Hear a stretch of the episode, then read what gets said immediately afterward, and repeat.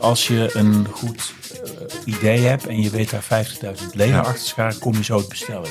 Daarmee maak je je kwetsbaar. De commissie van Geel, die spreken wij hier natuurlijk uh, ja. wel eens. En uh, wie weet komen ze met iets wat ons nog zal verrassen. En we hebben bij The Voice ook gezien dat het heel lang voortsleepte.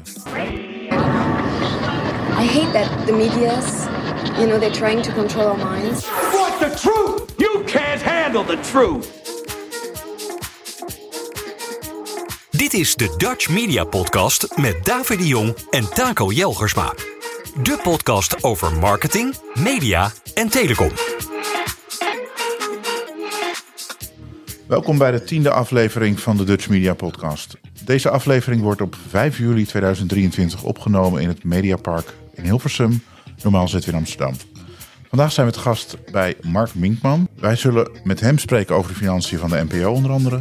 Maar we gaan ook spreken over Ufone, die door KPN wordt overgenomen. Onderzoeken met betrekking tot de integriteit bij de NPO duren langer. DPG Media komt met een eigen uitmanager in de strijd tegen Big Tech. En Tele2 krijgt in Zweden een forse boete voor het gebruik van Google Analytics. Wij zijn te gast bij Mark Minkman, directeur financiën, sinds september 2021. Daarvoor was hij onder andere interim bestuurder bij de regionale omroep en algemeen directeur van Paradiso. Welkom. Ja, wij zijn eigenlijk te gast bij hem omdat wij kritiek hebben geuit op de stelling van de NPO dat zij behoren tot de meest efficiënte publieke omroepen van Europa. Maar als je de berekeningen zou maken en ook bijvoorbeeld de regionale omroepfunctie erbij neemt, dan kom je eigenlijk op andere getallen uit. Allereerst heel veel dank voor de gastvrijheid. Graag gedaan. Het is, uh, is me een eer om bij jullie te gast te mogen zijn. nou, dat, dat in eerste instantie. Eerst misschien even vragen naar zeg maar, de primaire reden uh, dat jij, we hebben afgesproken, jullie en jij tegen elkaar te zeggen, dat jij aansloeg onze, ons gesprek over dit onderwerp. Ja, misschien was het tussen de regels wat ik hoorde, of nogmaals wat ik dacht te horen. maar ergens leek de suggestie een beetje te zijn: de, de publieke omroep wil zich beter voordoen dan ze eigenlijk zijn. Hè? Goedkoper de, de, zeggen dat ze goedkoper zijn dan, dan ze eigenlijk zijn. Nou, dat, dat is in elk geval niet uh, de intentie om dat op, die, op, de, dat op die manier te doen. Hè. Dus het is dus niet zo dat wij selectief uit een overzicht van de EBU selecteren omdat we daar toevallig goed uitkomen. Uh, tegelijkertijd is het natuurlijk zo dat in ieder staatje wat je maakt je appels met peren aan het vergelijken bent. Omdat in alle landen is het stelsel van de omroepen anders georganiseerd. Dus als je het bijvoorbeeld hebt over de regionale omroep, die dan in Nederland zo'n 160 miljoen kost, zit niet in die cijfers van de EBU. Nogmaals, zijn niet onze cijfers, maar de EBU. Dus als je kritiek hebt op dat plaatje, moet je bij de EBU zijn. Maar goed, uh, uh, je spreekt ons aan, ja. want wij maken die vergelijking ook in de terugblik van de cijfers over 2022. Maar er zijn, er zijn veel meer verschillen tussen die landen. Die, uh, hè, dus als je zegt, nou maar Duitsland, daar is het bedrag inclusief de regionale mediavoorziening. Maar in Duitsland hebben ze bijvoorbeeld weer geen 13 of uh, hoeveel uh, regio's hebben ze daar, aparte organisaties. Dus zelfs als je die 160 miljoen er bij Nederland erop zet, dan zou het nog een appels met peren vergelijking zijn. Duitsland vind ik lastig als vergelijking. Ja, maar ik denk dat, dat voor iedere land is wel, daar is wel iets tegen in te brengen. Nou goed, kijk, wat ik probeerd heb te doen is, is de regiofunctie die wordt, of het nou om, om Frankrijk, België of, of Oostenrijk gaat, die wordt wel uit die rijksbijdragers daar, of de landelijke bijdragers zijn geen koninkrijken, maar soms, maar die worden daar wel van betaald. Uh, en als je dan dat er gewoon bij optelt, je kan ook de mediabegroting pakken, dan heb je gewoon het totale budget van de Nederlandse publieke omroepen, zeg ik even. Ja. Uh, dan kom je ook op bedragen, die optelling kan je maken. Uh, ja. En dan kan je wel een vergelijking trekken. En ja, dan, dan zit je gemiddeld. En zit je niet meer per se goedkoop of, of, of de meest efficiënte of, of woorden van die strekking. Nou, ik, ik, geloof niet dat wij ergens beweren dat we de meest efficiënte Eén van de meest, sorry, zijn. Misschien komen we daar straks ja. ook nog op. Want het bestel, we hebben een heel bijzonder bestel. Waar ja. we met z'n allen ook gewoon trots op zijn. De, het is zo uniek dat geen land het ter op aarde ongeveer gekopieerd nee, precies. heeft. Uh, en daar, daar, is, daar is ook zeker iets tegen in te brengen. Daar is, zoals jullie waarschijnlijk weten, de commissie van Geel nu op aan het studeren. Maar die is niet aan het studeren over de basis van het bestel. Want dat in de Tweede Kamer bleek dat alleen GroenLinks ongeveer dat ter discussie wilde stellen. Ja. En, alle, en de staatssecretaris niet, en die refereerde ook naar het coalitieakkoord, het gegeven van omroepinstellingen en verenigingen. Daar wordt niet aan getornd, als ik het goed begrijp. Nou, wordt ook niet onderzocht. Nee, kijk, wij, de commissie van Geel, die spreken wij hier natuurlijk Ja. wel eens. Eh, ehm, eh, en, en sommige dingen beginnen zich al wel een klein beetje af te tekenen. Althans, dat idee hebben wij. Ehm, wa- waar zij mee gestart zijn, ehm, dat is het gegeven en de basis van externe pluriformiteit. Ja, dat is, een Hè, start, dat is een startpunt. En Ja. dat heeft er natuurlijk ook mee te maken dat het huidige kabinet kan eh, met de politieke gevoeligheid die altijd rondom de publieke omroep zit, Ja. bezwaarlijk een commissie aan de gang zetten met de opdracht, eh, kijk eens, onderzoek eens of het ook een BBC-model kan zijn. Want dat, dan zijn er namelijk een aantal partijen in het kabinet die zeggen, ho ho, eh, wij hebben in het regeerakkoord daar verder niets over afgesproken. Dus de commissie is met het uitgangspunt van externe pluriformiteit aan de slag. Eh, en eh, wie weet eh, komen ze met iets wat ons nog zal verrassen. Wat, wat, wat Het klinkt en- alsof en- u meer weet hiervan. en de- wat en die externe pluriformiteit eh, handhaaft, maar, maar Hmm. toch een, een, een vorm vindt eh, Mag ik voor de andere, die de- misschien meer van deze tijd, weet ik niet. Maar Mag ik voor de andere eh, minder geïnformeerde eh luisteraars, medemens. zeggen, externe pluriformiteit is per definitie zeg maar in de samenleving gewortelde organisaties, zou Ja. zeggen. Dus, dus eh, verenigingen of stichtingen die op basis van een, op basis van een ledenmodel Ja. zelf draagvlak in de samenleving ge- gecreëerd hebben. Mag ik dat Verenigingen, zo zeggen? Een stichting heeft geen leden. Of, of kan geen leden hebben. Eh, dus dat zijn verenigingen met een eigen verenigingsdemocratie. Dat zijn ook autonome verenigingen. Ik bedoel, wij worden als NPO, ik zou willen zeggen te pas en te onpas, op van alles en nog wat aangesproken. Maar wij zijn het sturings- en coördinatieorgaan van de publieke omroep. Ja, En wij doen dat samen met de publieke omroepen, waarvan een deel omroepverenigingen gewoon met een leden, met een eigen ledendemocratie. En hè, dus de- het bestuur van BNNVARA legt verantwoording af aan de ledenraad van BNNVARA, niet aan ons. nee. Eh, Ook niet aan de OCW. Eh, eh, en de- de- dus, dus dat is wat we met een ingewikkeld woord noemen de externe pluriformiteit. En daarnaast heb je twee stichtingen die, eh, die een specifieke wettelijke taak hebben, de NOS Ja. en de NTR. De taak. Dus dat zijn wel stichtingen. Dus dat. Oké, ja, dus-. Maar voordat jullie weer overlaten aan de discussie over de doelmatigheidsdiscussie, is het betekent dat jij van mening bent dat die commissie van Geel eigenlijk een beetje met één arm op de rug een, een opdracht gekregen heeft? Dat ze, dat ze beperkt zijn in dat, dat, dat het een beter idee was geweest om, om breder te kijken, om, om, om, om niet met dat uitgangspunt. Nou, zij hebben vrij snel nadat ze aangetreden zijn, eh, de staatssecretaris eh, verteld hoe ze hun opdracht opvatten. Eh, en dat is binnen het kader van de externe pluriformiteit. En, en volgens mij nog niet eens zozeer eh, vanuit, het, vanuit het gegeven dat hun dat kader mee is gegeven. Maar ook wel vanuit het geloof dat die, het feit dat je een bestel hebt met autonome verenigingen, dat dat, dat ook iets wezenlijks is. Zo, zo interpreteer het, is een geloof, alsof het een religie is. nou, nee, dat niet. maar het, het, zeg maar de, de, ehm, het biedt. Kijk, ik heb met, bij, eh, lang bij een omroepvereniging gewerkt. Ik, Ja. eh, daarna ben ik het, wat je vertelde, een tijdje uit het bestel geweest. Nu ben ik weer terug. Dus ik, ik, ik, ik weet wel waar het bestel vandaan komt. Eh, en ik kan me ook wel iets voorstellen bij wat de commissie. Laat, laat even kort terug naar, naar je vraag. De commissie heeft vrij snel nadat ze geïnstalleerd was. een korte notitie geschreven. terug aan de opdrachtgever, het ministerie van OCW, of kabinet, denk ik. Formeel. En daarin hebben ze geschreven hoe zij hun vraagstelling interpreteren. Nou, dat begint bij de zogeheten externe preventie een uitgangspunt. Eh, maar heel vrij vertaald, wij voelen ons ook vrij om, om nou niet dat, dat uitgangspunt los te laten, maar wel Maar om er gewoon op te variëren. op te rekken. Ja, zo, dat woord staat er niet, maar Nee, zo nee, heb ja, ik dat geïnterpreteerd. Van eh, wees u ervan bewust, mevrouw de staatssecretaris of da- dames en heren van het kabinet, dat wij er goed naar gaan kijken en die uitgangspunten respecteren.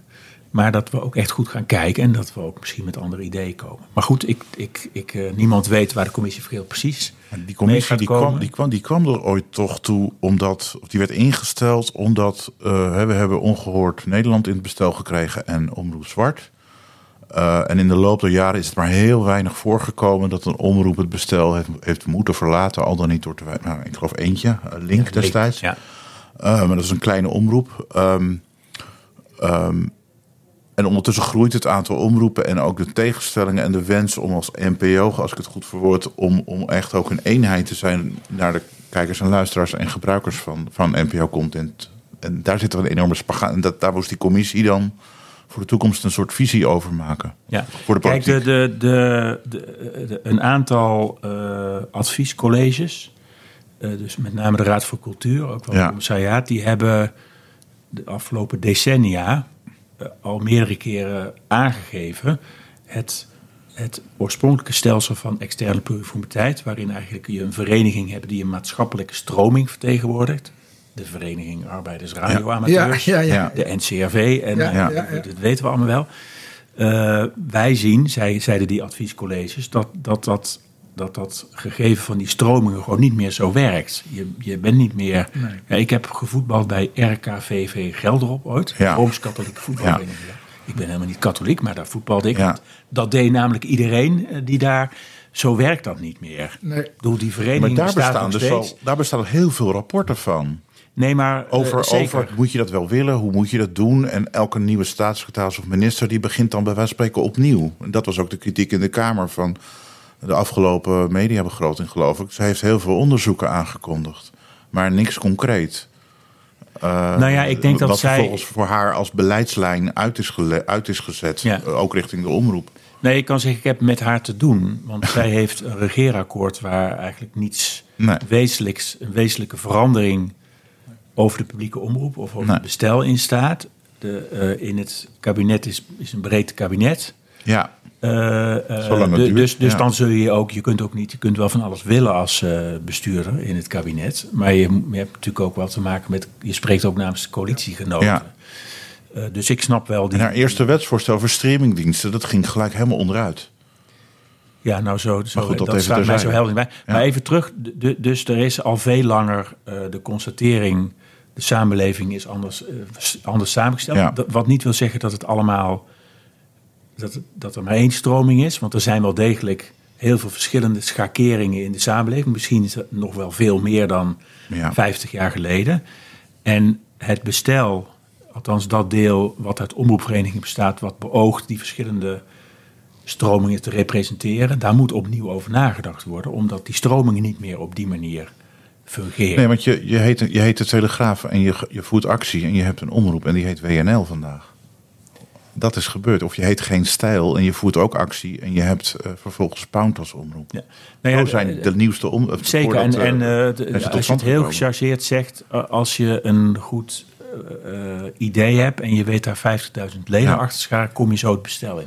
Dat is ook precies waarvan iedereen ook in Hilversum denkt... daar moeten we iets mee. Eh, want eh, de voordeur van het bestel staat doordat de focus op dat ledencriterium eigenlijk wagenwijd open. Als je daar Ja, nu krijg je dus de inhoudelijke discussie voor Ongehoord Nederland, waarvan de NPO-raad van bestuur heeft gezegd. eh, We verzoeken om die uit het bestel te, te halen richting staatssecretaris. En dan zit u de politiek ermee. Wat moet zij dan? En ze stelt die beslissing even uit tot na de zomer. Maar dat bestaat dus wel, die discussie, zonder echte criteria. Nou, maar de, zeg maar het de specifieke case van ongehoord heeft niets met het ledencriterium te maken. Nee, dat heeft dan niet. Nee, maar wel is wel een exit manier. Ja, ja, ja, ja zeker. Eh, maar in Want principe als je is- iedereen toelaat, kan je ook eh, organisaties toelaten waarvan je dan achteraf gaat bedenken: hoe was dat? Dit is iets te bedenkelijk allemaal. Nou, eh, ehm, ik heb niet het idee. Ik denk dat, dat, dat ongehoord Nederland is een, een geval op zichzelf, zeg maar. D- Dat ik zie niet een. Want daarom kwam ik op een heel lang verhaal over decennia externe productiviteit, maatschappelijke stroming. Omdat jij eigenlijk begon met te zeggen. Eh, dat is de aanleiding om, Ja. om naar het. le- Maar dat is niet zo. Dat, dat, dat is al van. Hè, als je de adviezen van de Raad voor Cultuur erop naar leest, die roepen eigenlijk al decennia lang, hier moet iets aan gebeuren. En wij, iedereen begrijpt, de samenleving ziet er anders uit dan 50 jaar geleden. Ja. Terwijl dat ledencriterium nog heel erg van die samenleving uitgaat. En daar moeten we iets mee. Nou, maar er is toch wel iets in de wet gekomen over dat je ook een stroming moet vertegenwoordigen die je kan omschrijven eh, en die getoetsbaar moet zijn enzovoort. En daar mag dan een staatssecretaris ja of nee op zeggen of ze die toelaten. Of een minister. Ja, maar er zijn ook mensen die roepen dat dat, dat begrip stroming is achterhaald. Ja, Er is eh, voordat de commissie van Geel eh, van start ging, is er een onderzoek geweest eh, van een bureau naar nieuwe legiti- aanvullende Ja. legitimatiecriteria. En in dat rapport staat ook het, het aspect van stromingen die je vertegenwoordigt. Dat Ja. is niet meer een aspect wat van toepassing is op de huidige samenleving. nee, maar goed. Ja. Dus de, zeg maar de, de problematiek rond ongehoord, om het zo te zeggen, heeft wat mij betreft niets te maken met Nee. hoe je het bestel organiseert. Is En dat zo? Want op het moment dat iedereen mag binnenkomen met 50.000 leden, dan kan het gebeuren dat je bedenkelijke, even los van ongehoord Nederland, dat je ook bedenkelijke organisaties binnenhaalt. Nou, nee, maar dat is natuurlijk, Nee, maar dat- dat is natuurlijk ook nog de discretionaire bevoegdheid van de staatssecretaris. Uiteindelijk Ja. moet, er zijn criteria, waar, er zijn hoepeltjes waar je doorheen moet springen. En vervolgens kan de politiek wel degelijk... eh, eh, eh, Die kan zeggen Die kan nee, maar zeggen dat, ja dat of toen, toenmalig minister Slop heeft dat niet gedaan. Die Nee, heeft nee, gezegd ja. Goed, ik, kunnen, we, kunnen we even terug naar het, naar het, naar, het- Naar het geld. Naar het geld. Ja. Ja, exact. Want we hebben het gehad over de, eh, eh, zeg maar een beetje de, de, de kerndiscussie was zeg maar de relatie tussen de, tussen de, tussen wat, wat wij met, z'n- met z'n allen zeg ik maar even aan de publieke omroep uitgeven. Ja, In, in relatie tot, het, tot welke taken daarin vallen. En de, dan de vergelijking met het buitenland. Dus in de vergelijking, wat kost het in Ja. het buitenland en wat doen ze in het buitenland voor? ja de NPO zegt, als verschillende ik, als ik het corrigeer maar alsjeblieft als ik het verkeerd zeg, van de NPO zegt ja, wij zijn NPO en we hebben dat op die manier gedefinieerd. Ja, En dan zeg ik aan de andere kant, ja, als je dat zo definieert, je haalt de regiofunctie haal je eruit, die andere landen wel hebben vaak. Eh, waardoor de financiering wat anders uitkomt te zien natuurlijk. En ik zeg er bovenop, ja, de, de NPO die krijgt van alle kabelaars en telecommers 50 miljoen ongeveer, iets meer. Ehm, en die wordt ook niet meegerekend, dat snap ik wat iets beter. Maar goed, dat is een min of meer verplicht bedrag wat elke burger of huishouden moet betalen.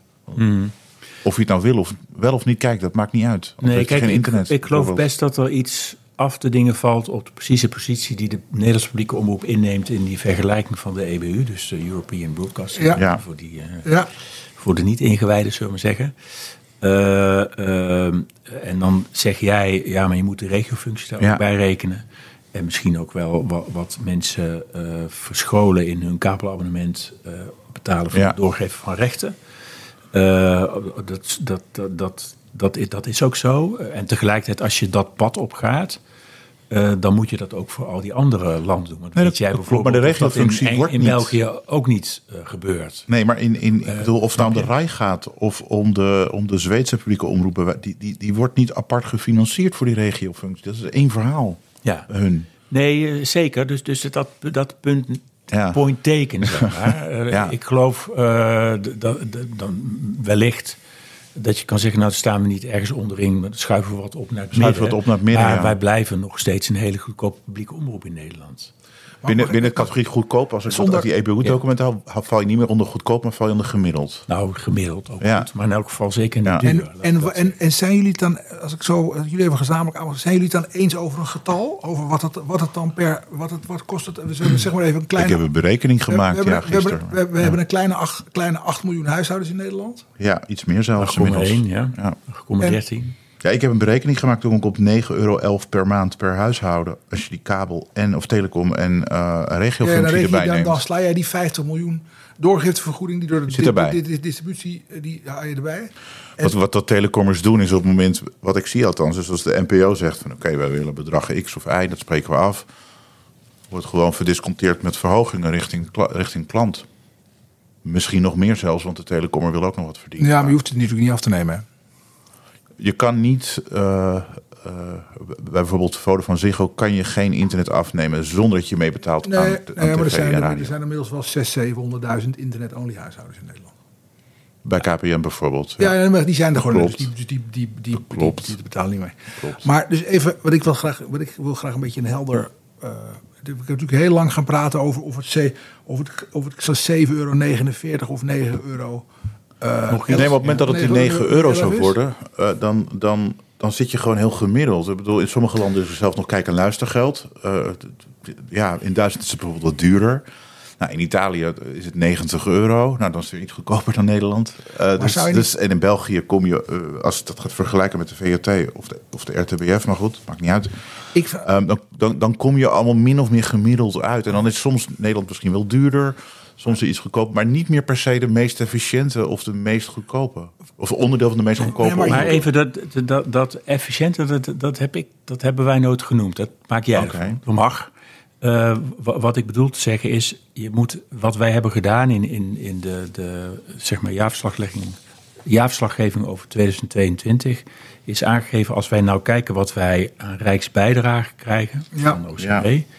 En wij deden dat door het aantal huisartsen. We hebben niets meer en minder gedaan dan dat. Ja. En dan zeg je, ja, maar je moet eigenlijk dat ook meerekenen. Nou ja, dan kies je een andere definitie. En, eh, dan, dan kun je het hebben over definities. Ja. Want je kan ook zeggen, je betaalt indirect ook voor de ster. Want als jij straks naar de Albert Heijn gaat, je koopt een Ja. potje pindakaas. De Albert Heijn is een grote adverteerder op publieke omroep. Daar zit ook gewoon een paar cent in. Wat je dan indirect... Tuurlijk, je Kan het gewoon nou ja, hebben over. kan je, je kan het eh, hebben over reclameloze en reclamevolle Ja. publieke omroepen. Nee, Ja. wij horen tot reclamevolle publieke omroep, zeg maar. Kan je het ook over hebben, maar dat vind ik wat inge- dat, dat wordt wat ingewikkelder in die zin. maar mag ik nog een? Eh, maar ook zelfs met een, met een reclameloze publieke omroep, dan nog kan het in sommige landen per huishouden althans voor hetzelfde bedrag. Ja, maar even de- om die, die, dat rond, te maken, zeg maar. Eh, ik geef mezelf het slotwoord. Eh, jullie zijn tenslotte hier te gast. Zeker. Hoewel ik bij ja. jullie te gast ben. Ja, wie is nou bij wie te Eh, gast? nee, eh, is een grapje. Ehm, ehm, zeg maar, natuurlijk kun je altijd voor andere definities kiezen. En zou je kunnen zeggen, nou moet je dat eigenlijk niet meerekenen? Nou, dat zou kunnen. En, maar als je dan streng de vergelijking met andere landen gaat maken... dan wil ik ook inbrengen, wij hebben een heel ander bestel. Ja, nee, natuurlijk. En eh, daar, daar valt van alles van te zeggen, maar dat biedt een soort van borging. Hè, die externe pluriformiteit, het feit dat je autonome verenigingen hebt die vanuit hun eigen invalshoek programma's maken. Dat hebben andere landen niet. Ik bedoel, als je dan die vergelijking biedt- gaat maken, ja. dan moet je dat ook. Hè, dan Ja, moet je ons niet met de VRT vergelijken. ik- bijvoorbeeld. mag nee, maar dan kan je met geen één omroep in Europa Nee, vergelijken, precies. omdat er geen één land op maar aarde is nou, die dat kom zo doet. Dan komt dus, kom, je precies- kom je precies op mijn punt. Ik, kijk, ik begrijp, kijk eh, eh, eh, eh, de EBU is een organisatie. En organisaties die bestaan, die hebben gewoon de neiging om ook een beetje aan hun eigen eh, eh, eh, nuttigheid te werken, zal ik maar zeggen. Die zullen nooit zeggen, het heeft geen zin. Eh, eh, wat wij doen, die, dus die gaan getalletjes maken en dingen. Wat is de... Het, ik denk dat we in ieder geval het met z'n drieën eens zijn over het feit dat het, dat het wel haast onmogelijk is om een echte vergelijking te maken. Want ik zou als, als, als, als kijker ook zeggen, je moet ook de waardering meenemen. Hè, of is, het gaat natuurlijk niet alleen maar over geld, het gaat ook over, over wat krijg je voor dat geld. En, en is dat redelijk? Dus het zou best kunnen zijn dat in een, andere om, eh, in een ander land de publieke omroep veel duurder of goed goedkoper is. Maar dat ze in de praktijk veel minder goed eh, eh, eh, invulling aan hun taak geven. Nou, dan moet wat je, is de, wat is die, de, die wat is, staatjes bestaan geloof ik ook over wat is, waardering. wat hoor, is de, bij- wat is de behoefte om te spiegelen aan die, aan die cijfers? Moet, Nou, dat- moet jij in het jaarverslag dit soort dingen van vermelden? Moet je, of, ik zou hem veel gebruiken zeggen, luister, we hebben, eh, het kost zoveel geld. En we hebben, we hebben een, een externe derde hebben een onderzoek laten doen over wat, over wat de burger van ons vindt. Mhm. Nou, dat is volgens mij in Nederland altijd best wel, zijn de waarderingen voor de publieke Ja. omroep zijn in Nederland echt waanzinnig aanzinnig hoog. Waarom is dat niet genoeg? Waarom moet überhaupt die vergelijking met het buitenland gemaakt worden? Want ik, want ik zou bijna zeggen, je maakt met daarmee maak je je kwetsbaar voor de David de Jongs van deze wereld, zeg ik maar even. Hoe- Waarom zou, waarom zou je het doen? Nou, ehm, eh, ik vind het niet zo erg omdat wij onszelf kwetsbaar maken. Want daarom zitten we hier dit gesprek te voeren. Ja, en, en, met waardering en, over. En, Ja. en eh, heb je in sommige dingen misschien gelijk, David. En in sommige dingen daar heb ik dan niets tegen in te brengen. Maar ik vind het gewoon waardevol dat, dat we het hier met elkaar over hebben. Ehm, eh, wij vinden het gewoon wel belangrijk om, om een aantal objectieve cijfers te geven. Van hoe moet je eigenlijk het Nederlands publieke omroepstel zien in internationaal perspectief.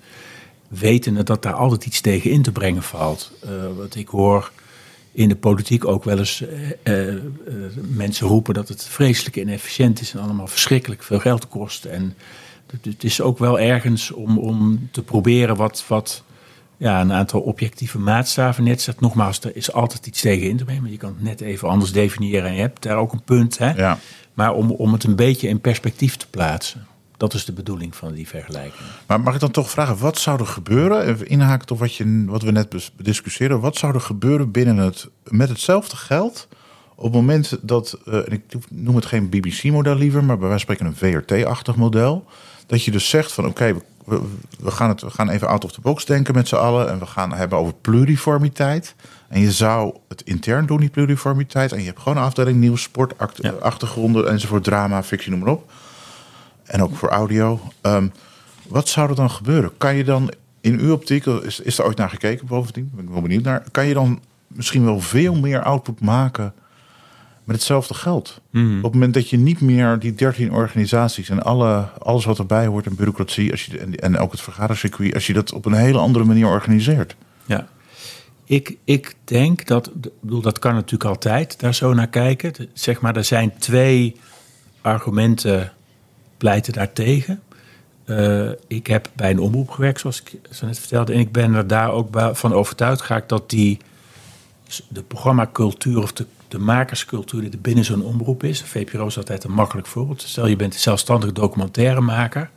Dan heeft dat meer waarde als jij een eindredacteur van de VPRO bent. Er zit een bepaalde manier van denken in. En dat, dat helpt individuele documentairemakers daadwerkelijk verder. Ik, ik durf te Maar ik noem heel daar- bewust de VRT.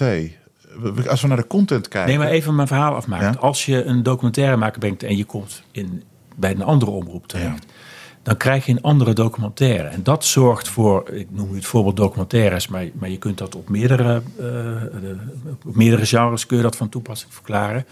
Dan krijg je dus eigenlijk twee documentaires, bij wijze van spreken, over hetzelfde thema, die echt verschillend zijn. En die, en die, die verscheidenheid vind ik verrijkend.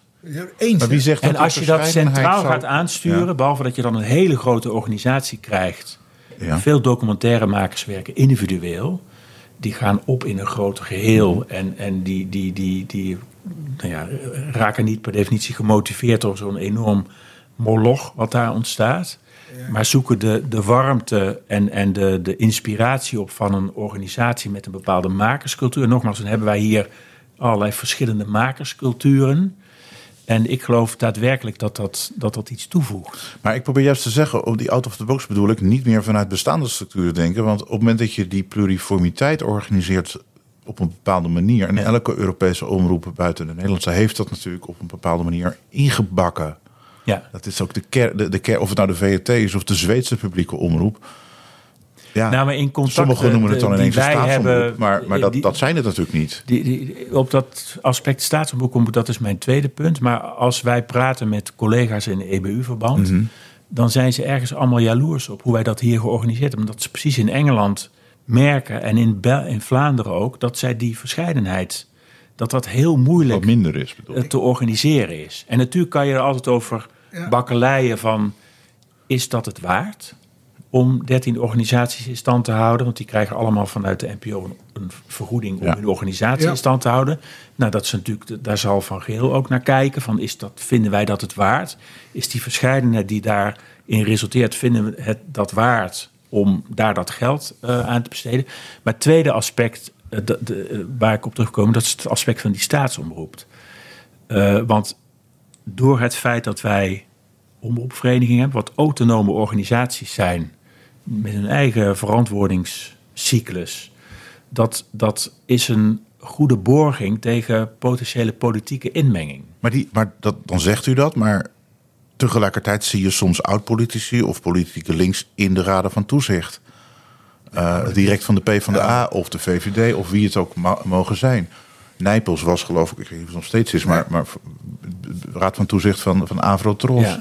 Van Gijzel zit ook in, in, in bepaalde omroepinstellingen, PvdA. Dus, dus dat is niet helemaal Eh, Rob van gevrijwaard. Gijzel is volgens mij toezichthouder bij de NOS. Of NOS nu, ja. Maar Ja. ik geloof, vind ook wel dat je, dat je deze politici ook wat tekort doet door zijn etiket op te plakken. Nee, maar het is niet helemaal losgezongen van die politieke eh, beïnvloeding. Zo weer vanuit die organisaties althans. Ja, maar de vraag is even als. als eh, ehm, Als u dat zo stelt, hè? ja, maar het, het, gaat, zeg maar waar, het gaat mij erom dat je. ehm, dat, dat die organisaties zijn eigenlijk als een soort van buffer tussen de politiek en de uitvoering. En dat zorgt er ook voor dat, dat je die in, potentiële inmenging... Ja, maar dan moet, je ik- niet, dan moet je toch niet de politici in die organisaties aan de top gaan stoppen? Nou, maar ik ja, geloof maar- niet. Ik vind dat je ze daarmee tekort doet. Ik ook. Eh, eh, ik kan me wel voorstellen, eh, toen ik bij de VARA werkte, was Ruud Kolen bijvoorbeeld voorzitter van de Raad van Toezicht. Eh, maar ik, ik zou hem tekort doen door te zeggen, hij zit daar alleen maar Nee, nee, dit is even- democratische gedachten. even- want het zijn gewoon los van, bestuurders. los van de, persoon zelf. Want de persoon Ja. kan een fantastisch bestuurder en een fantastische inbreng hebben. Maar ik bedoel dat het heb- de- toch een bepaalde link blijft liggen Ja, er tussen zit toch- politiek en die organisaties. Terwijl de suggestie wekt alsof dat met deze, dit stelsel niet zo is. Hij, hij werkte Nou, niet meer. Martijn van Dam was staatssecretaris voor de PvdA Ja, en was er zit- bestuurder van de Er zit NPO altijd daarna. een soort demping in. Sorry? Ik denk Maar, dat er altijd een soort demping in zit. Zeg maar, wat Maar ik bedoel gaat niet zozeer over de personen, maar over. Want ik, eh, eh, zeg maar, wij hebben geen staatsomroep. Want Nee. st- Nee, het gaat om Zelfs de NOS heeft een wettelijke taak. Ja. Maar het is niet zo dat eh, de woordvoerder van de minister-president, Nee. de hoofdredacteur van het NOS-journaal belt. Je was wel heel kritisch vandaag. Maar dit is in bijna geen een enkel land. nou, ik zie, eh, wij zien allemaal tendensen om ons heen waarin dat soort dingen echt wel anders Ik zijn. zou- en en ik- eh, ook wel tuurlijk, buiten maar ook in. Nederland gebeuren, zijn er dingen Ik gebeurd. Dus het verschil tussen de echte staatsomroep en politieke beïnvloeding. Ja, Dat- maar, dat zijn twee zeg dingen maar de, zeker. Maar ik zou, zeg maar, voormalige bestuurders uit het politieke, met een bepaalde politieke achtergrond, dat, dat is nog iets anders dan, dan politieke beïnvloeding natuurlijk. Ja, bovendien is het denk ik over in de, in de, bij de omroepen zo dat het wel heel erg, dat het ook wel heel, heel erg van alle kanten is, zou ik maar zeggen. Dus het, het valt mij bijvoorbeeld altijd op, bij, bij WNL vandaag zit altijd iemand van Elsevier of van de Telegraaf. Ja. Heb je de, dat is dus die, dus die dat, dat, dat Nou, zij noemen zich vrolijk rechts het, of zo. het- Maar, het- het- nee, nee, maar het zou, het zou moeten zijn dat dat, dat, dat elkaar aan alle kanten uit, uitlevelt. Maar ik heb nog ik heb maar, één- maar, hij- maar andere... mag ik toch even, want wat de vraag was eigenlijk van, van is, is onderzocht of is bekeken van op het moment dat je dus wel een organisatie ervan maakt. Dus inhoudelijk ben ik daar niet voor, dat snap ik. Maar als je dat doet, heb je dan uiteindelijk wel meer middelen om je producties te maken, om meer content te kunnen maken. Nee, dat is er zeker. Want wat wegvalt zijn, zijn de kosten die je nu maakt om die organisatie in Overhead, stand te houden. Absoluut. En zeg maar, natuurlijk zijn er wel eens mensen die daar vrijelijk over denken hier. Ja. Maar er is, en bij omroepen ook, of daaromheen ook, maar er is, zolang als het bestel is zoals het nu in de wet staat, is er ook geen aanleiding om daar. Ja, maar het, interessante is wel, dat is een stukje geschiedenis misschien. In 19, we hebben twee jaar een nationale omroep gehad hier in Nederland. En dat was in 1945 en 46. En daarna hebben omroepen de macht teruggekregen. En toen was het, als ik het goed zeg, eh, een soort van... eh, die- eh, de- je mocht zelfs niet meer in dat landelijke stelsel komen... omdat je nou eenmaal voor een nationale omroep was. Water under the bridge. En, nee, maar dat, dat is wel de wortel van dit Even- bestel natuurlijk ik, geweest. Heb, ik heb één ander punt tot, tot slot waar ik het graag over hebben. Namelijk een gevaar van die. Ik, ik, ik kan heel, heel ver meegaan in jouw gedachten over die, over die losse cellen, zeg maar. Die, eh, eh, alleen het bestaat niet het gevaar dat. ehm, eh, omdat, zeg maar, die, omdat zeg maar, de VARA is natuurlijk geen, geen arbeidersomroep meer. zou ik maar zeggen. Die, is, die, is, die is breed geworden. Bestaat niet het gevaar dat die omroepen zich, eh, zeg maar, dat die omroepen zich gaan, ehm, eh, gaan profileren heel erg op thema. Zoals bijvoorbeeld eh, de AVRO heel erg op, op, op, op kunst en cultuur, cul- cul- cultuur zit.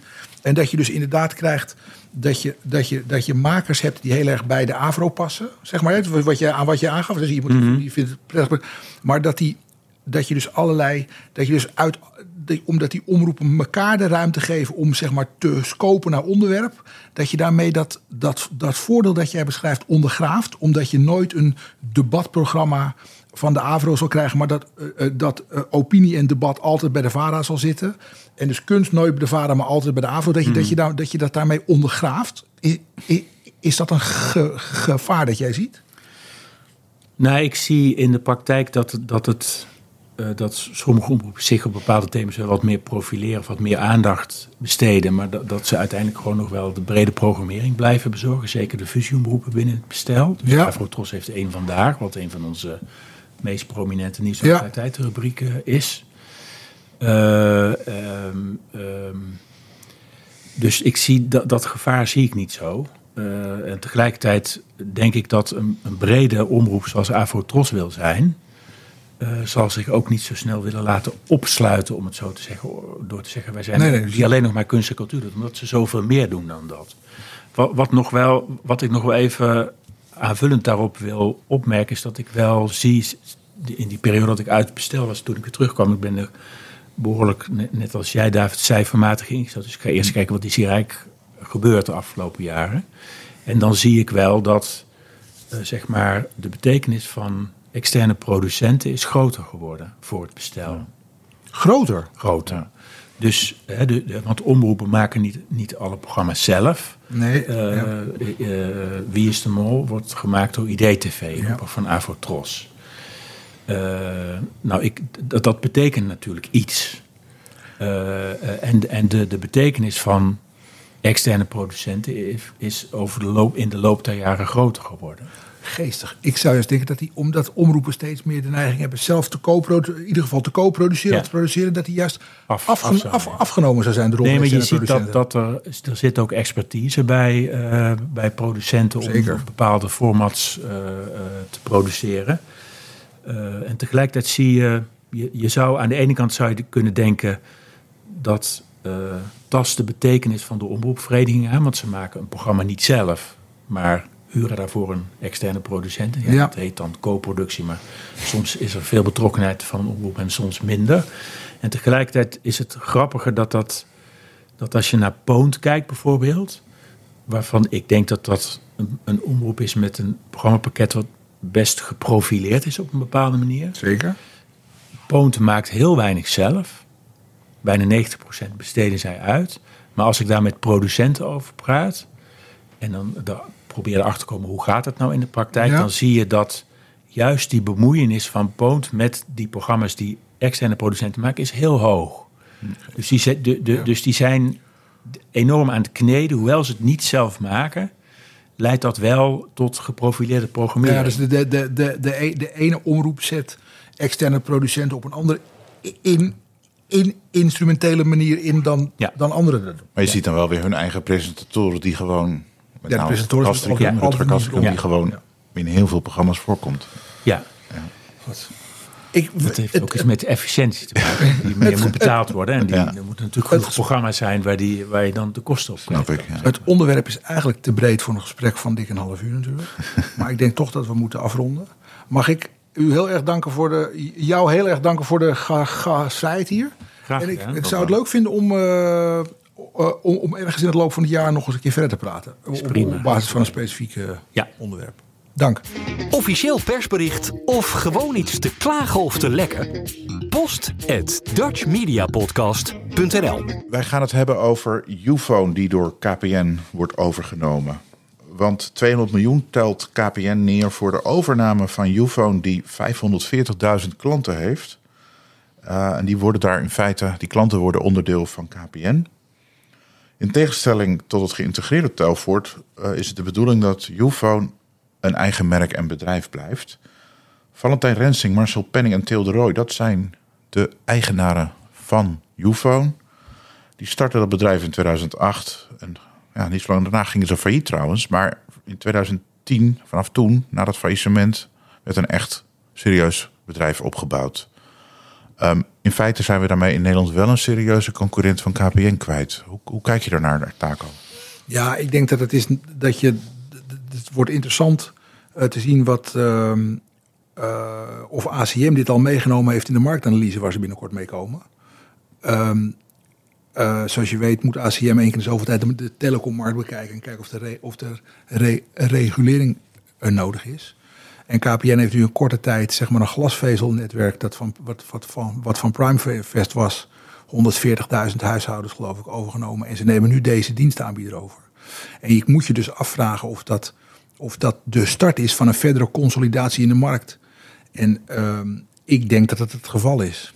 Want ik denk dat, dat, dat voor KPN geldt dat het kopen van dit soort bedrijven verhoudingsgewijs goedkoop is in relatie tot, tot zelf klanten binnenhengelen. Als je kijkt wat er per abonnee betaald is, dan valt dat, reu, valt dat reuze mee. In de combinatie van, van, van vaste en uh, moeilijke klanten. Wat ik interessanter vind ook is of KPN nu, dat, want die zeggen dus we houden Ufone uh, zelfstandig. Um, dat zeggen ze in eerste instantie altijd. En dan komt er straks een CEO en die is toch weer voor een single brand strategie en dan zetten ze toch weer uit. Dus ik ben wel benieuwd hoe, hoe, hoe, hoe dat in de komende... Ik ben benieuwd wat KPN nog meer gaat overnemen in de komende periode. En ik ben benieuwd of ze, of ze echt toch weer een strategie inzetten waarbij ze echt een B-label in, in de markt hou- houden met Ufone. Ik reken even heel snel 370 euro per klant uit. We weten natuurlijk niet, die 540.000 klanten, zijn dat nou mobiele klanten of zijn dat nou Ja, ik weet ook thuisklanten? de- Dat is de- verder niet hoe de- omschreven. Hoe de, mix zit. Ehm, maar Maar je punt is, we houden nog drie grote telecompartijen, of misschien vier, over uiteindelijk in totaal. Als ik je goed begrijp. nou, ik denk uiteindelijk twee vaste netwerken.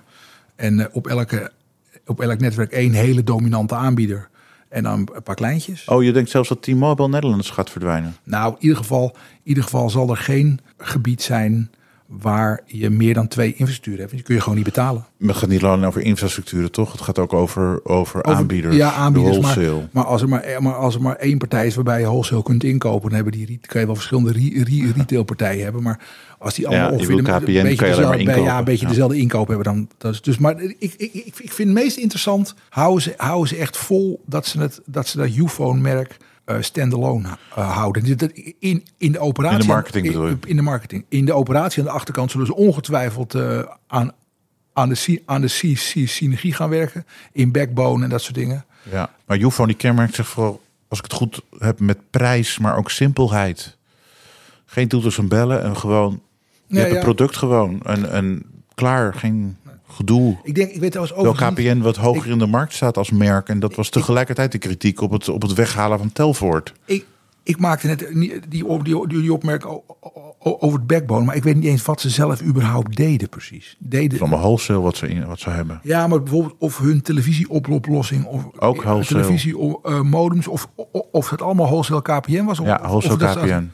Ja, dan, dan, dan, dan wordt het bij enige bezuinigingsactie eh, wordt het wel heel verleidelijk waarschijnlijk om toch het merk te killen. Maar we gaan het Ook zien. het merk te killen, denk dat je. denk ik. Ja, dat is bij Telfort toch ook gebeurd.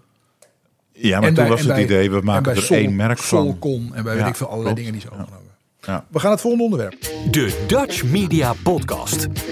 Post at dutchmediapodcast.nl Onderzoek, ja, we zitten bij de NPO, dat is dan de grap. Ehm, onderzoek naar de werkcultuur eh, van de NPO en de omroepen, moet ik erbij zeggen, die komt eh, uiteindelijk pas het vierde kwartaal, verwachten ze. Want die on- de onderzoekscommissie Gedrag en Cultuur Omroepen, zoals die heet, die de Raad van Bestuur van de NPO heeft ingesteld, is langer bezig met zijn opdracht. Het gaat onder leiding van eh, Martin van Rijn, die was staatssecretaris Ja. vroeger, ehm, voor de PvdA. En, maar goed, die werd ingesteld na de commotie over de Wereld Draait Door. Het onderzoek startte eind februari. Het zou rond deze tijd de zomer eh, worden afgerond. Maar de commissie zegt dat het onderzoek breder is geworden door de ontwikkelingen en dat het langer duurt.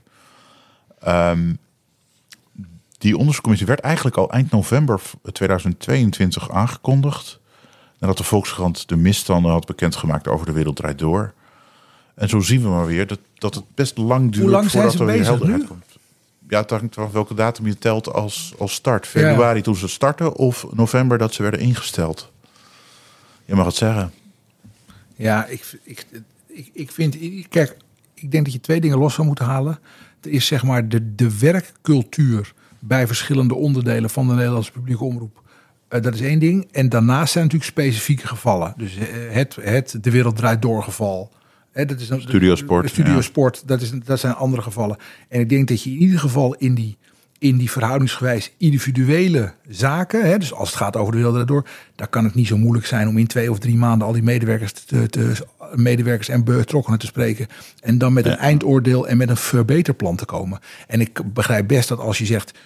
Wij willen, wij willen in de volle breedte bij de NPO kijken bij verschillende onderdelen die er zijn. Er zitten heel veel, Ja. heel veel mensen hier bij de NPO die allemaal hele belangrijke dingen doen. En die, eh, als, je, als je daar echt een heel goed doorzicht moet krijgen over hoe werkt dat bij de NPO, bij, eh, als er een klacht is, wat gebeurt er dan, hoe, hoe lopen die processen, dat je daar langer mee bezig bent.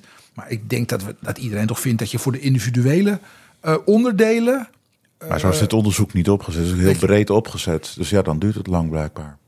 Maar goed, Ja, maar ik denk toch dat, dat BNN Vara moet natuurlijk een keer iets gaan roepen over de- wat er bij de Wereld Draait Door gebe- gebe- gebe- gebe- gebeurd is.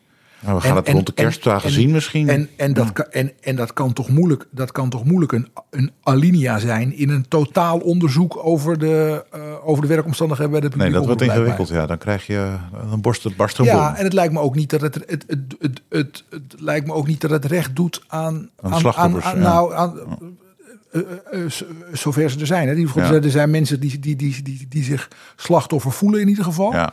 En de vraag is natuurlijk even of, dat in, in, of hen in het individuele geval echt iets onac- onacceptabels is aangedaan.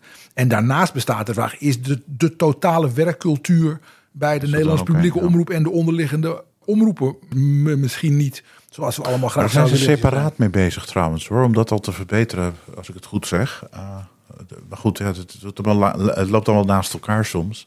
Maar, maar het duurt wel lang. En we hebben bij The Voice ook gezien dat dat heel lang voortsleepte. Ja. En eigenlijk nog steeds niet is afgerond daar. Nee, maar natuurlijk wel, wat natuurlijk, wat natuurlijk een beetje, het is natuurlijk een beetje des voorlichters, denk ik. Zeggen, joh, luister, schuif het een beetje vooruit in de tijd. Dan is het straks nog één, dan is het straks dat, die, dat, dat, dat, dat, dat, wat mij betreft best wel schokkende uitkomst van dat ITV-onderzoek.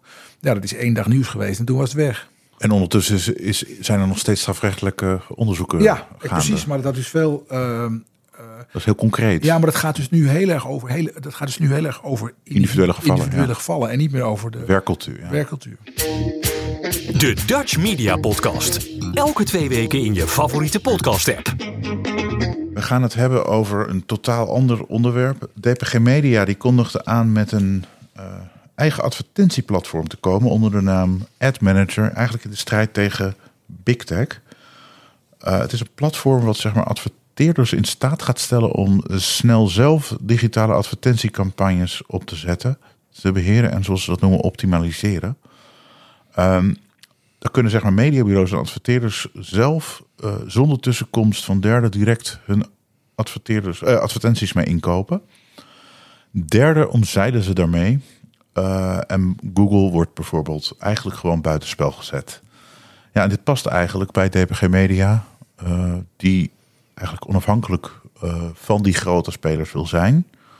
Ehm, Christian van Tillo, dat is de grote man, eigenaar ook van, van DPG Media. En die presenteerde dit min of meer tijdens een, een, een dag voor, voor relaties en adverteerders. En dan valt ook wel op hoe, hoe onafhankelijk hij zich mani- wil manifesteren daarbij. Uh, goed, wat ze natuurlijk ook zeggen, het scheelt geld voor adverteerders. eh, want, en ook voor DPG Media zelf. Had meer binnen, want ja, je hebt al die tussenschakels niet meer om, die om bij die advertentieruimte te komen. Ja, ik denk, ik denk dat gewoon dat zo'n, wat ik maar even noem, voor een, voor een partij van de grootte van DPG Media, het logisch is dat, ze, dat, dat, er, dat, er, dat, er, dat er meerdere schappen zijn waar hun producten op liggen. En dat, je, eh, en dat ze ook een rechtstreeks eh, loket hebben. Ze blijven waarschijnlijk wel via mediabureaus. Er ook nog dingen gewoon Nee, wel via aanbieden. mediabureaus, maar niet via eh, de Google. Niet via techpartijen die dan ongecontroleerd inkopen. Dat willen ze echt afsnijden, die pas. Ja, nou, daar begrijp ik wel iets van. Omdat ik denk, ik trouwens ook, je ziet natuurlijk ook steeds meer dat, eh, dat adverteerders die inkopen rechtstreeks bij Google, zeg maar, dat die op, dat die op, op, op, op sites te zien zijn waar ze eigenlijk niet te zien willen zijn. Dus die, dat die Of ook- dat er advertenties te Ja. vertoond worden waarvan bijvoorbeeld DPG zegt, media zegt, dat willen we helemaal niet bij onze content. Nee, exact. Nee, dus ik, Het om controle dus ik, begrijp, dus ik begrijp dat wel. Maar ik denk dat, het, dat al, als meer partijen deze beweging gaan volgen, ehm, eh, eh, dat Google uiteindelijk wel met een tool zal komen waarbij, die, waarbij die platformeigenaar eh, Meer controle. zelf meer, meer, meer controle heeft of, meer, of, of, of een betere marge krijgt. Ja, die Google Kijk, wordt dan vaak weer via derden ingekocht. Het is een hele keten. exact. Van, dus ik denk, van- ik denk, maar ik denk dat ik denk dat je in allerlei, in allerlei inkoop, inkoop, verkoop. Eh, industrieën wel ziet dat dat landschap waarbij zo'n product gedistribueerd wordt, dat dat verandert en dat het ook een beetje, dat het ook een beetje, dat het ook een beetje levend is. Ik weet ook Maar wat ik wel interessant vind hieraan is dat ze zeggen natuurlijk zelf, maar ja, ik heb in ieder geval zelf ook geen ander systeem in Europa althans of uitgever kunnen vinden die dit al doet. In de, in de VS wel. Ehm, maar dat maakt het natuurlijk wel uniek dat dit dan, het wordt in Nederland en België eh, geïntroduceerd. In Nederland is het gewoon al geïntroduceerd. In België Ja. komt oktober.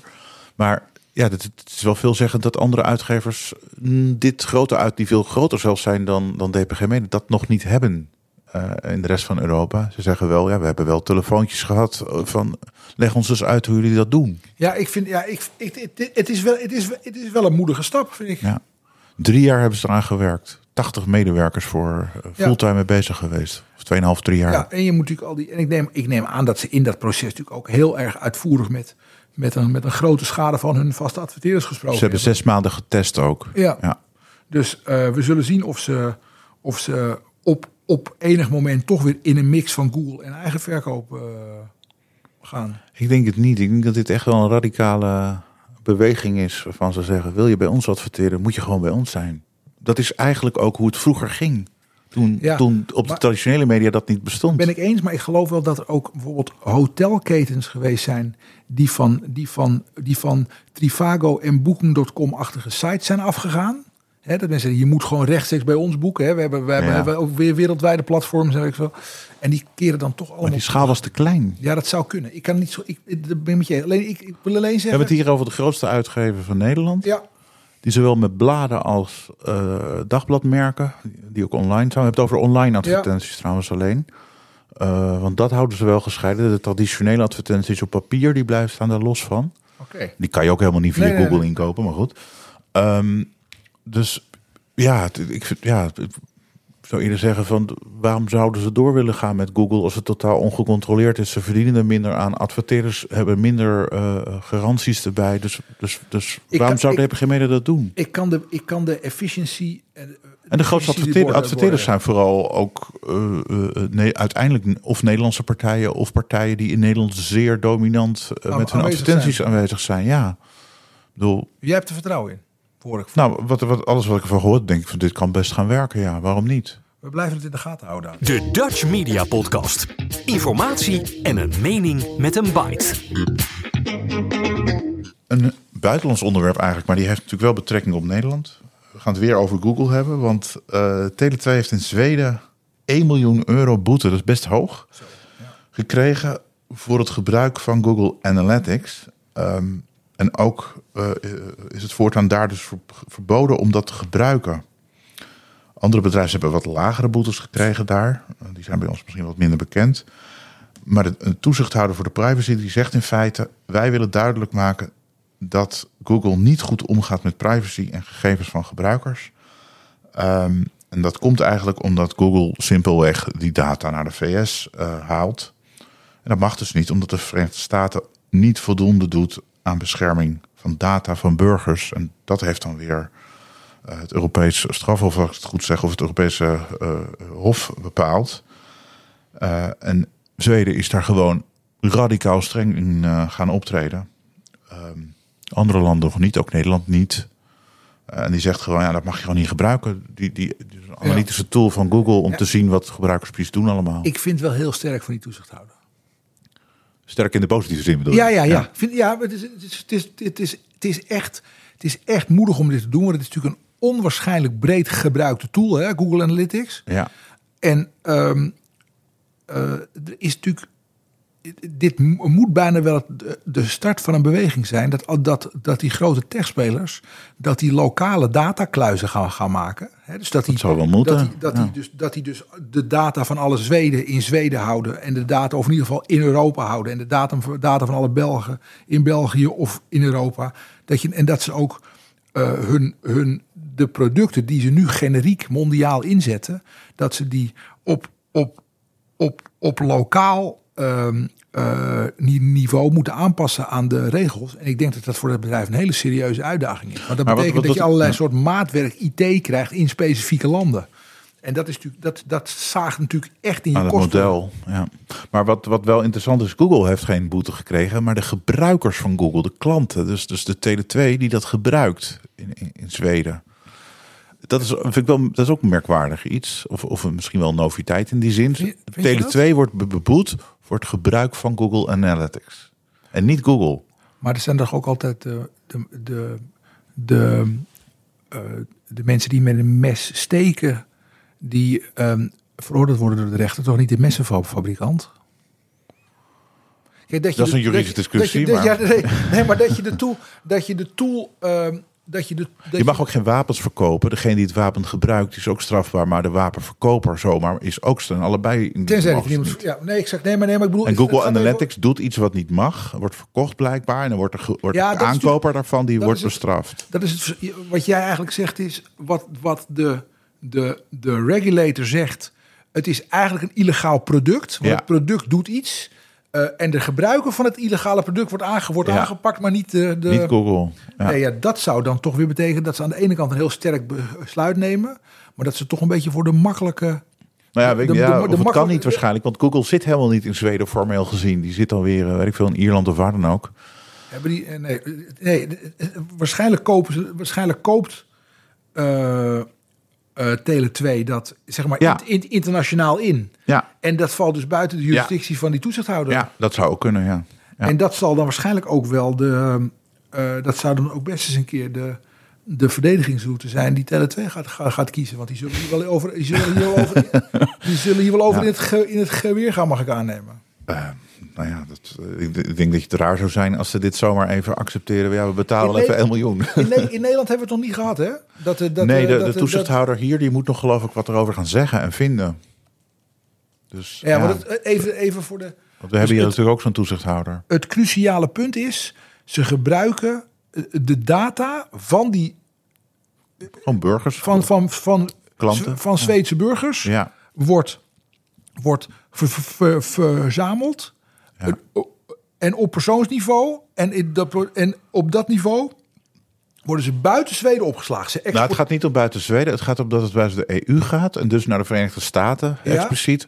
En in de Verenigde hebben ze hele andere regels dan in Europa. En dat wordt niet... Dat, is, ja, dat, dat, dat wordt dan als veel te kwetsbaar en veel te strijdig...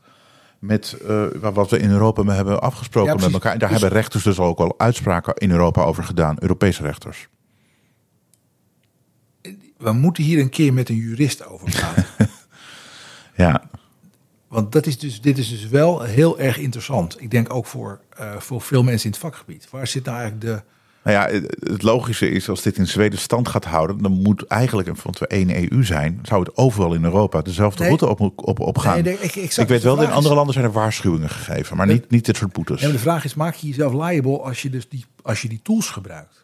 In Zweden wel. Bijvoorbeeld om je podcast te promoten. In Zweden wel, ja. Maar wij zijn niet in Zweden. eh we richten ons absoluut niet op, eh, eh, op het land Zweden. Dus ja.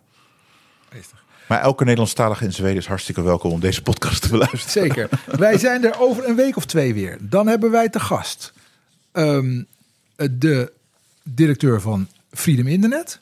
Om met hem te praten over het hopelijk dan verschenen concept marktanalyse besluit van ACM over de internetmarkt.